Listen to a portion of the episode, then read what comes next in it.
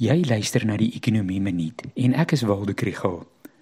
Later vandag word Augustus maand se verbruikersprysinflasie syfer bekend gemaak en die verwagting is dat dit effens laer gaan wees as in Julie maand toe dit 7,8% was.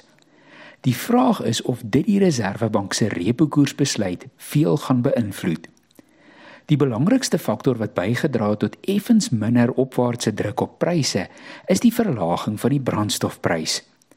Die petrolprys het met R1.32 per liter gedaal in Augustus. Daarby is daar aanduidings dat verbruikers begin swaar kry het in Julie maand en as ons beursies toe is, is dit vir besighede moeilik om hulle kosverte verhogings aan verbruikers deur te gee as prysverhogings. Kleinhandelverkope het in Julie met 0,1% afgeneem in vergelyking met Junie maand. Die Buro vir Ekonomiese Onderzoek se derde kwartaal opname in die kleinhandelbedryf wys dat dit vir al die verkopers van nie duursame produkte soos voedsel en drank is wat daaronder lê as verbruikersbesteding beperk is. Die verslag sê ook dat daar aanduidings is dat die koerse waarteen aankoop en verkooppryse styg 'n draaipunt bereik. Die groot probleem op die oomblik is die swakker rand-dollar wisselkoers.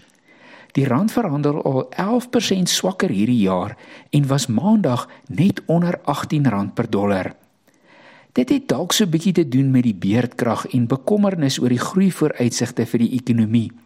Maar dit is eintlik 'n storie van 'n baie sterk dollar. Met 'n 75 basispunte rentekoersverhoging wat vandag van die Fed verwag word, is die dollar sterker teenoor ontleikende markte se geldeenhede. Hoewel die Reserwebank meer bekommerd is oor inflasieverwagtinge en 'n spiraal van stygende lone en pryse, kan hulle nie die gevare van 'n swakker wisselkoers ignoreer nie. Dit kan veroorsaak dat die brandstofprys en voedselkommoditeitspryse hoog bly, al val dit in terme van dollar. 'n Stewige repo koersverhoging sal nie net ingevoerde inflasie help beveg nie, maar ook weer ons effekte mark meer aantreklik maak vir buitelandse beleggers.